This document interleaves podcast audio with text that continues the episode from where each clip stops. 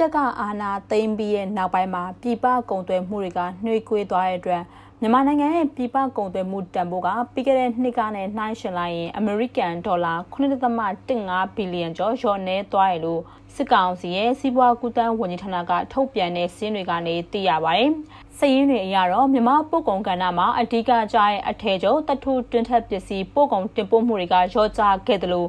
စက်မှုလုပ်ငန်းယင်းနှမြနံမှုနဲ့စောက်လုပ်ရေးလုပ်ငန်းတွေကလည်းတုံဆိုင်သွားတဲ့အတွက်ယင်းနှမြနံမှုဆိုင်ရာသွင်းကုန်တင်သွင်းမှုတွေကလည်းလျော့ကျနေတာပါ။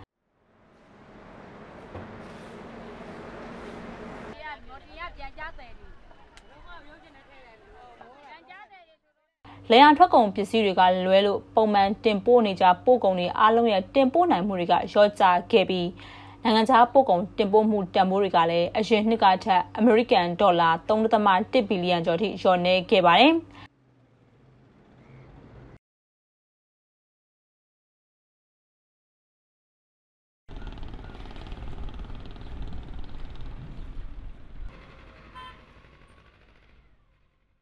သွင်းကုန်တင်သွင်းမှုတန်ဖိုးအနေနဲ့လည်းအမေရိကန်ဒေါ်လာ4.3ဘီလီယံကျော်ထိလျော့ကျနေရလဲဖြစ်ပါတယ်။ မြန်မာနိုင်ငံရဲ့ပြည်ပကုန်သွယ်ရေးဟာနေဆက်ကုန်သွယ်ရေးပုံမှန်ကုန်သွယ်ရေးနဲ့ဆောင်ရွက်နေရဖြစ်ပြီး2020-2021ဘဏ္ဍာနှစ်မှာတော့ဒီလမ်းကြောင်းနှစ်ခုလုံးကကုန်သွယ်မှုပမာဏတွေကရော့ကျခဲ့ရလဲဖြစ်ပါတယ်။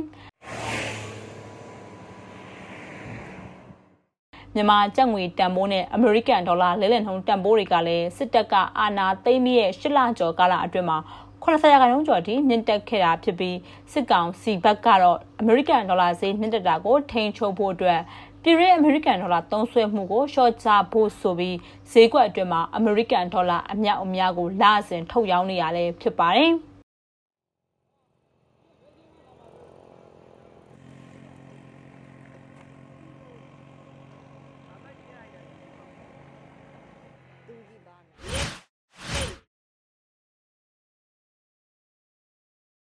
2021ခုနှစ်အောက်တိုဘာလဇန်နဲ့မှာမန္တလေးဈေးကွက်ထဲက CP ပြောင်းဈေးကရန်ကုန်ဝက်လက်တွေကြောင့်တပတ်အတွင်းမှာဈေးက1000ကျော်ထိမြင့်တက်လာတယ်လို့မန္တလေးပြောင်းပွဲုံပိုင်ရှင်တွေရဲ့ပြောဆိုမှုကနေသိရပါတယ်။စက်တင်ဘာလကုန်ပိုင်းကမန္တလေးဈေးကွက်မှာပြောင်းဈေး3တင်းဝင်တအိတ်က3100ကျပ်ပေါက်ဈေးရှိခဲ့တာဖြစ်ပြီးအော်တိုဘာလဇာမိုက်မှာတော့4100ကျပ်ထိမြင့်တက်လာတာပါ။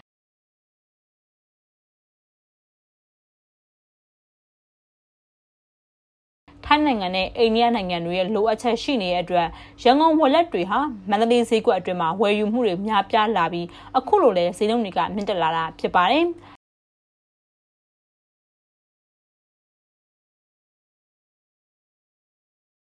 ထိုင်းနိုင်ငံကဝယ်လိုအားများတာနဲ့အိန္ဒိယနိုင်ငံရဲ့ပြောင်းလိုအပ်ချက်တွေကြောင့်ရန်ကုန်ဝယ်လက်တွေကတော့မန္တလေးဈေးကွက်တွင်ကိုဝင်ရောက်ဝယ်ယူကြပြီးအခုချိန်မှာတော့ဈေးကရုတ်တရက်မြင့်တက်နေရလဲဖြစ်ပါတယ်။ လက်ရှိမှာ CP ပြောင်းကိုပြည်တွင်းမှာရောပြည်ပမှာရောလိုအပ်ချက်တွေကရှိနေပြီးတရိတ်ဆန်အစားအစာတွေအတွက်အစာစက်ရုံတွေကကုန်ကျန်းအဖြစ်လဲဝယ်ယူနေရလို့သိရပါတယ်။ CP ပြောင်းတွေကတော့မန္တလေးဈေးကွက်ထဲကိုကချင်ပြည်နယ်၊ရှမ်းပြည်နယ်တောင်ပိုင်း၊မြောက်ပိုင်းနဲ့ကယားပြည်နယ်တွေကနေထွက်ရှိရလဲဖြစ်ပါတယ်။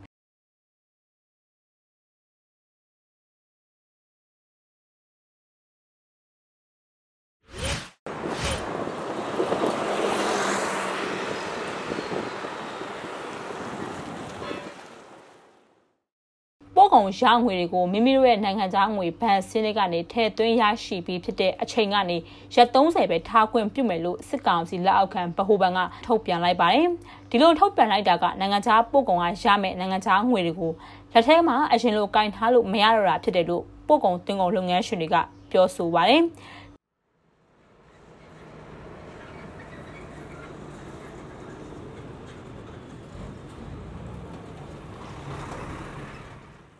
ဒီငွေတွေကိုရက်30အတွင်းမိမိကိုယ်တိုင်သုံးတဲ့ဒါမှမဟုတ်သွင်းကုန်လုပ်မဲ့အခြားကုမ္ပဏီအကောင့်တွေကိုလွှဲပြောင်းဆောင်ချနိုင်တယ်လို့လည်းထုတ်ပြန်ချက်ထဲမှာဖော်ပြပါတယ်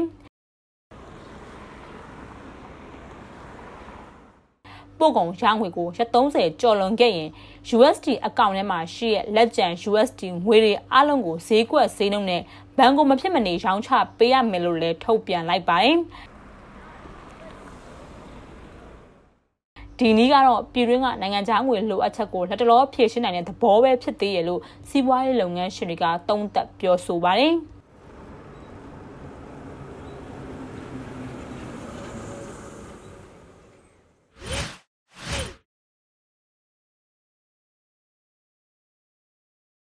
တနင်္လာရီတိုင်းဒေသကြီးဘိတ်မြို့ကနေကျွန်းစုမြို့နယ်ကိုလူရဲအကန့်အသတ်နဲ့ခီးသက်တင်ရေရင်တွေပြန်လည်ပြေးဆွဲပေးနေလို့သိရပါတယ်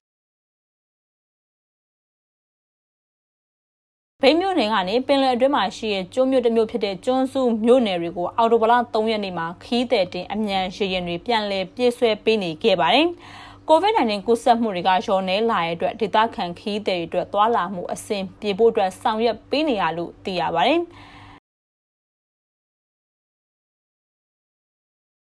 ဘိန်းမြို့နယ်ကနေကျွန်းစုမြို့နယ်ကိုတစ်နှစ်တစ်ခေါက်သာစတင်ပြေးဆွဲပေးနေရဖြစ်ပြီးကျွန်းစုမြို့နယ်ကနေဘိန်းမြို့နယ်ကိုလည်းတစ်နှစ်တစ်ခေါက်ပဲပြေးဆွဲပေးနေရပါ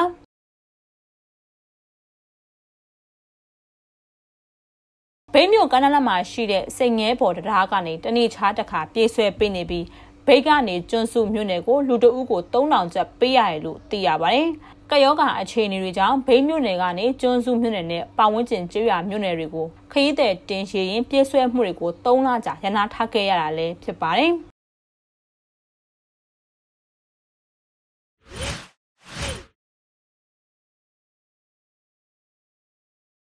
တိုင်ထောင်ခရမ်းကျင်သည့်အစုဖွဲ့စနစ်နဲ့စိုက်ပျိုးမှုတွေအောင်မြင်လို့အခုရာသီမှာတိုးချဲ့စိုက်ပျိုးသွားမယ်လို့နေပြည်တော်မှာရှိတဲ့ခရမ်းကျင်စိုက်တောင်သူတွေကပြောဆိုပါတယ်။ခရမ်းကျင်စိုက်တောင်သူ2ဦးနဲ့အထက်စုဖွဲ့ပြီးကိုရိုင်းဈေးကွက်ရှာဖွေတာပွဲစားကုန်တယ်နဲ့ပူးပေါင်းပြီးဈေးကွက်ဖြန့်တာစိုက်ပျိုးရေးနည်းစနစ်တွေအတိုင်းလိုက်ပါစိုက်ပျိုးမှုတွေကအဆင်ပြေနေရလို့သိရပါတယ်။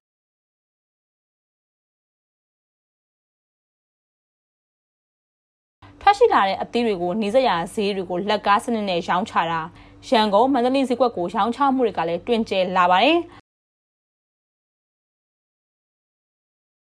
ချောင်းရည်နဲ့မြေရောက်ရည်ကိုအမိပြုတ်ပြီးစိုက်ပျိုးရတဲ့တိုင်ထောင်ခရမ်းချင်သီးတွေအောင်မြင်ဖြစ်ထွန်းလို့အသီးသီးထွက်ရှိမှုနှုံးကမနှစ်ကကာလတူနဲ့နှိုင်းယှဉ်လိုက်ရင်တအေကကိုတစ်ခါခူးဆိုရင်ပိတ်တာ30ခန့်ပိုများနေရလို့သိရပါတယ်။ ချောင်းနီးတစ်ဝိုက်မှာရှိတဲ့ကျေးရွာတွေကဒေသခံတောင်သူတွေဟာဥယျင်ချမ်းမြေနဲ့မြေနုကျွန်းတွေကိုအဓိကမိကိုအားထားပြုပြီးခရမ်းကျင်ဆိုင်တောင်သူတွေကလည်းတိုးလာရလို့သိရပါတယ်။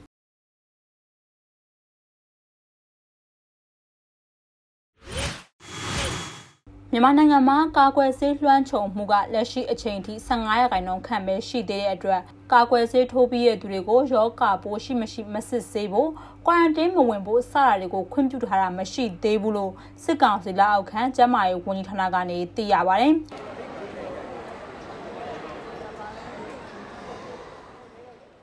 ဒီလိုသွားလာတာကခရီးသွားသည့်အရက်ဒေတာတွေမှာကိုးဆက်မှုတွေနဲ့ကာကွယ်ဆေးမထိုးရသေးတဲ့သူတွေရှိရင်မိမိကနေတဆင့်ကူးနိုင်ဖို့အတွက်အခွင့်အလမ်းတွေများတာကြောင့်ဖြစ်တယ်လို့ဆိုပါတယ်။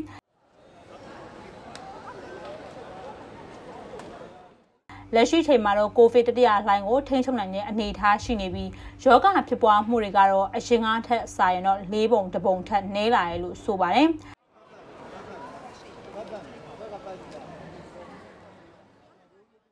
လှိုင်းရင်သဘောကကြလာရင်ဖြစ်ဖြစ်ချင်းကြလာပြီးပေါ့ဆမှုဖြစ်ရင်ပြန်ထောင်တက်ပြီးနောက်တစ်လှိုင်းဖြစ်နိုင်ပြီးအချို့နိုင်ငံတွေမှာဆိုရင်တစ်လှိုင်းမီတစ်လှိုင်းဖြစ်နေတဲ့အနေအထားကိုတွေ့ရတယ်လို့လည်းစစ်ကောင်စီလက်အောက်ခံကျန်းမာရေးဝန်ကြီးဌာနကထုတ်ပြန်ပါတယ်။